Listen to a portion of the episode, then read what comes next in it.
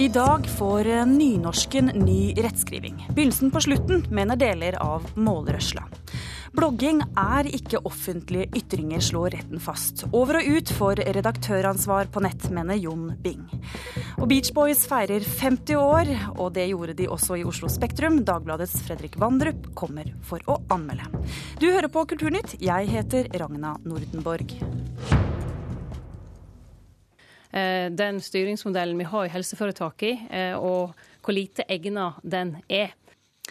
Ja, Fra og med i dag så kan ikke Liv Signe Navarsete skrive helseforetaket. Hun kan bare si det. I dag innføres nemlig de største endringene i nynorsk på over 50 år. Mens Språkrådet jubler, frykter deler av målrørsla at nynorsken blir for lik bokmålet. Har dere huska å ta med dere sakene deres? Det er nynorsk. Har dere huska å ta med dere sakene deres? Nei, det var vel ikke noe. Jo, for fra og med i dag kan en skrive dere på nynorsk, og ikke bare dykk. Hæ? Hva ord folk faktisk bruker, har stått sentralt i arbeidet med den nye rettskrivinga for nynorsk. Og siden dere likner dagens dialekter mer enn dykk, kom pronomene med. Men dette er likevel en av få nykommere. Langt flere ord går ut. Soli og fjelli og sånt. Nå kan det bare hete sola og fjella. Sier språkforsker Torodd Kinn. Og sånn som klokkor og klokkene eh, er ikke tillatt lenger. Nå skriver klokker og klokkene. Tilsvarende så går sånn som idrott ut. Lippe og skråme, så det heter idrett og leppe og skramme. Formene som eh, vi har hatt omtrent siden Ivar Aasen eh, konstruerte landsmålet, de, er en del sånne går ut. Fra og med i dag er det slutt på systemet med klammeformer i nynorsk.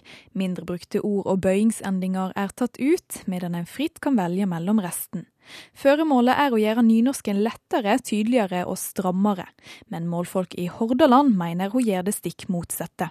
Utydelig, det var komplekst, bokmålsnært og slakt. Den har den mye mer valgfridom. Sier Erlend Trones i Ullensvang Mållag. Vi vet altså nær bokmålet at, at den jevne nynorskbrukeren vil ikke lenger se vitsen å, å ha to rettsskrivingssystem i Norge. Mens i Østfold mener Mållaget at rettskrivinga skulle ha vært enda mer bokmålsnær for å ligge nærere talemålet deres. Den nynorsken vi bruker må være praktisk, må kunne brukes uh, som et hverdagsspråk. Sier Magne Aasbrenn i Østfold Mållag. Og det er om å gjøre at det ikke blir for mye bunad og for høy sylfest trutlefaktor, men at nynorsken er som ei olabukse. Helt enig om detaljene blir en aldri, men styreleder i Språkrådet Ottar Grepstad mener det viktigste med reforma er at hun i det hele ble vedtatt. Her ble det viktig at det faktisk viste seg å være mulig å få semje om en rettskriving. Det har ikke vært tilfellet for nynorsken på mange tiår. Og så får nå disse smågruppene innenfor Norges Mållag og andre holde på som de vil. Vi andre kan bruke den nynorsken slik den nå er skapt. Og målfolket på Voss og i Ullensvang gjør som de vil. De har alt laga ei alternativ nynorskrettskriving med mer tradisjonelle former. Vi føler oss nesten tvinga til, til, å lage et alternativ for, for å ta vare på nynorsken. For Godtar vi det som har kommet nå, så ligger det i kortet at det er det snakk om en gradvis avvikling av nynorsk. Nynorskekspertene har sagt sitt. Nå er det opp til folk flest å vurdere hvordan de vil bruke den nye nynorsken. Det ligner jo litt, da. Ja, men det er jo derfor vi har skriftspråk og dialekt, sant. Du kan ikke skrive dialekt. Så du vil skrive dykk? Ja, for alltid. Ja, reporter her var Hanne Marie Molde. Ja, du hører på Kulturnytt i NRK P2, og dette er hovedsakene våre nå. Fremskrittspartiet vil hente utenlandske flygeledere for å bøte på flygeledermangelen, og får støtte fra NHO luftfart.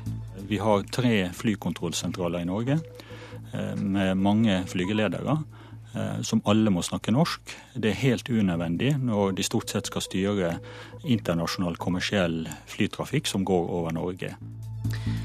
40 av nødsamtalene som ble ringt inn 22.07, er slettet fra lydloggen til politiet i Asker og Bærum. Og landets fremste ungdomssymfonikere samles til festspillåpning i Elverum i dag. Veldig gøy å spille så mye fin musikk og være sammen med gode venner. God måte å bruke sommeren på. Den antifeministiske bloggeren Eivind Berge blogget om drap av politifolk. Det er ikke å regne som offentlige ytringer, og dermed ikke straffbart, avgjorde Gulating lagmannsrett. Om kjennelsen blir stående, er det over og ut for redaktøransvaret på internett, mener jusekspert Jon Bing. Du kan ikke åpne en avis uten å lese om at det pønskes ut nye måter å få sett flere menn i fengsel. Sånn høres han ut. Antifeministbloggeren som ifølge Gulating lagmannsrett ikke har ytret seg offentlig, og dermed ikke gjort noe straffbart. Professor i rettsinformatikk Jon Bing mener at lagmannsrettkjennelsen han holder mellom hendene, kan få betydning for mer enn hva folk kan skrive på bloggene sine. Kjennelsen tar jo først og fremst stilling til om hvorvidt innlegget i bloggen er offentlig. For å gjøre det så må de gå til en bestemmelse i straffeloven. En av mulighetene for at det er offentlig, er at det er fremsatt i trygt skrift. Og trygt skrift er definert under henvisning til tradisjonelle metoder for mangfoldiggjørelse, som eh, vedtrykken og lignende.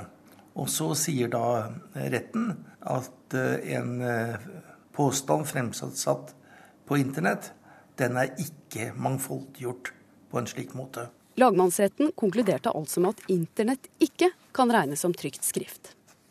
Den formuleringen kan også bety en formell spiker i kista for redaktøransvaret på nett, mener professoren. Redaktøransvaret er jo i sin kjerne et strafferettslig ansvar, som har et eget kapittel i eh, straffeloven. Og det henger da på hvorvidt det er trygt skrift eller ikke.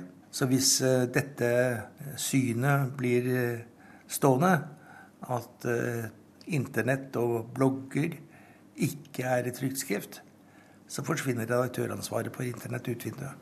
Professoren er selv av den oppfatning at internett bør og kan anses som trygt skrift i straffeloven. Internett som helhet kan man argumentere for at det egentlig også er et stort fjernkopieringssystem. Det vil altså si at hvis du laster noe opp til, på internett, så må du regne med at det blir skrevet ut. Og dermed så får du en eksemplarfremstilling som gjør at uh, du kan hevde at det er et trygt skrift. Men om det strides altså de lærde. Og nettopp det mener Bing er en svakhet, at ikke lagmannsretten tar mer inn over seg. Kjennelsens uh, svakheter er vel først og fremst at den um, ikke kommenterer den lange diskusjonen om hvordan trygt skrift skal tolkes i strafferetten. Kulturnytt har vært i kontakt med Gulating lagmannsrett, som ikke ønsket å kommentere kjennelsen ytterligere. Men Bing peker på konsekvensene ved at de har kommet til motsatt konklusjon som ham. Konsekvensen av det blir at eh, man ikke kan påberope seg det objektive redaktøransvaret hvis det skjer en krenkelse, ærekrenkelse eller en lignende krenkelse på en ytring som står i en nettavis. Men når det gjelder ytringer på internett, så er min klare oppfatning at det bør være samme redaktøransvar på internett som det er på andre medier. Gunnar Stavrum er redaktør for nettavisen.no. Vi eh, i Norge er vant til at, eh, at, redaksjoner og redaktører tar ansvar og følger straffelovens grenser for, eh, for f.eks. injurier, og at vi tenker oss om før vi publiserer ytringer som er negative og skadelige for mennesker. Og der er Stavrum i godt selskap med Redaktørforeningens Nils E. Redaktørforeningen var med og anbefalte medienøytralitet i forbindelse med utvalget som utredet konvergens i media og Ytringsfrihetskommisjonen. Det sa altså Nils E. Øy i Redaktørforeningen. Reporter var Hanne Marie Knutsen.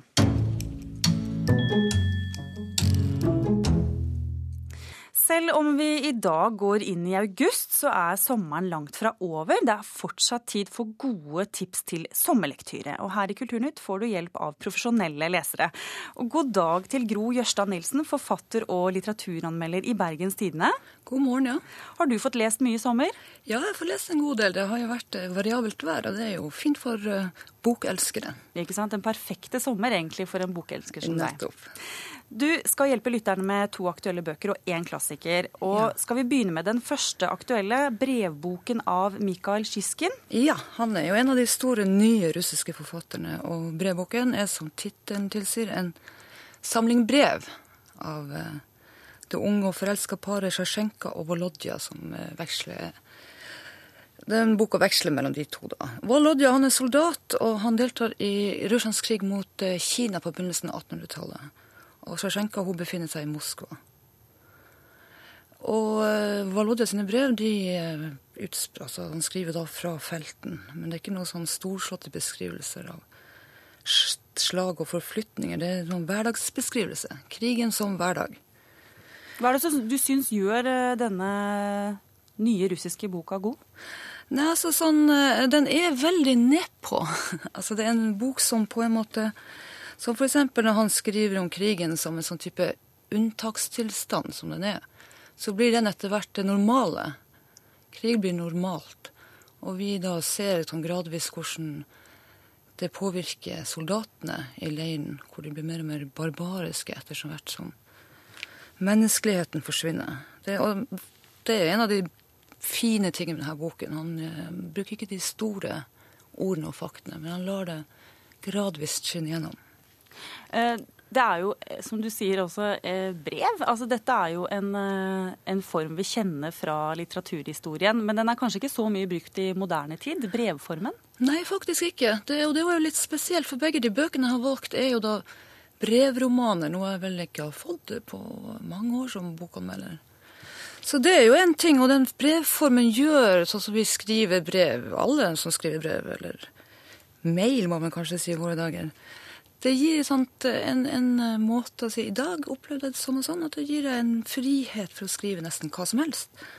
Og det er det i de her brevene. Det er jo kjærlighetsbrev for så vidt, men det er også eh, Kisken bruker det som en sånn rammefortelling til å skrive om livet. Om livet som i evig forandring. Altså Brevene endrer seg jo etter som situasjonen endrer seg for karakterene. Og, og den får en veldig sånn spontan tone, den her brevboken til eh, Sjisjkin. Så jeg syns det var veldig annerledes og forfriskende, rett og slett. Og forfatteren Sjisjkin, som du sier, en av de nye litterære stemmene i Russland. Eh, hvis du skulle liksom satt kort hvem, han er, og hvorfor han har blitt så, så godt mottatt? Ja, altså Han har jo vært Det er vel andre boka som kommer på norsk, og Sjisjkin har vel eh, på en måte Han tar jo opp tradisjonen kan man si, altså fortellertradisjonen fra de store russiske forfatterne. Samtidig som han er veldig moderne, at han bryter litt med det her store, episke fortellingene som, eh, som, man kjenner fra russiske forfattere på 1800-tallet. Du ser at han forholder seg til tradisjon, og han gjør sine egne vri på det her. Og Du sa at du hadde med en brevbok til, eh, ja. som du har valgt. Eh, hva slags bok er det, og hvem har skrevet den? Det er en bok som er av en islandsk forfatter som heter Bergsvein Birgesson. Den ble nominert til Nordisk råds litteraturpris nå i, i år og den heter 'Svar på brev fra Helga'. Og her har vi én eh, brevskriver som eh, den gamle Gislu eh, Bjarne Gislason skriver til sin eh, fordums store kjærlighet Helga. Og det er da ett brev som forteller om eh, livet som sauebonde og eh, oppsynsmann på Island. Og Det er en bok som eh, på en måte bruker samme formen, og lar man skrive både digresjoner og mye løgner og mye skrøner, og vi får mye kunnskap om islandsk sauehold i, i, eh, i Birgesson bok. Og det er en veldig bra bok også fordi den um, viser en tids- og en tankemåte, et levesett, som er, står så i kontrast med vårt uh, moderne liv med det her effektivitet og omstilling og de her honnørordene. Dette er en langsom tid. Hvor kunnskap har vokst frem gjennom mange, mange år. Den, den ligner litt om den her filmen som har gått et år nå her i Bergen, som heter 'Folkefjorden'.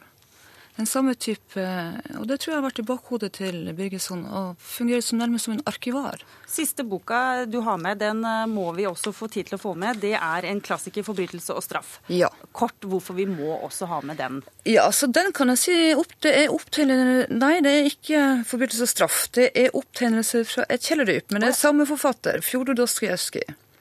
Og boka ble skrevet i 1864. og Grunnen til at jeg valgte den romanen, det er jo fordi at jeg, i likhet med mange andre, har fulgt rettssaken mot Anders Behring Breivik. Og jeg syns det er en bok som kan motvirke tendensen til å mytologisere og mystifisere Breivik.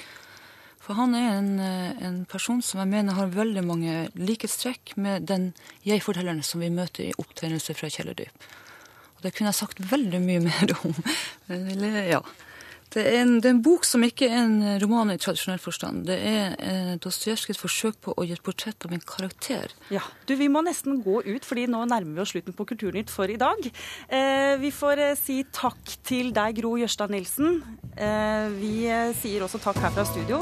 Eh, vi er tilbake i ettermiddag. Mitt navn er Ragna Nordenborg.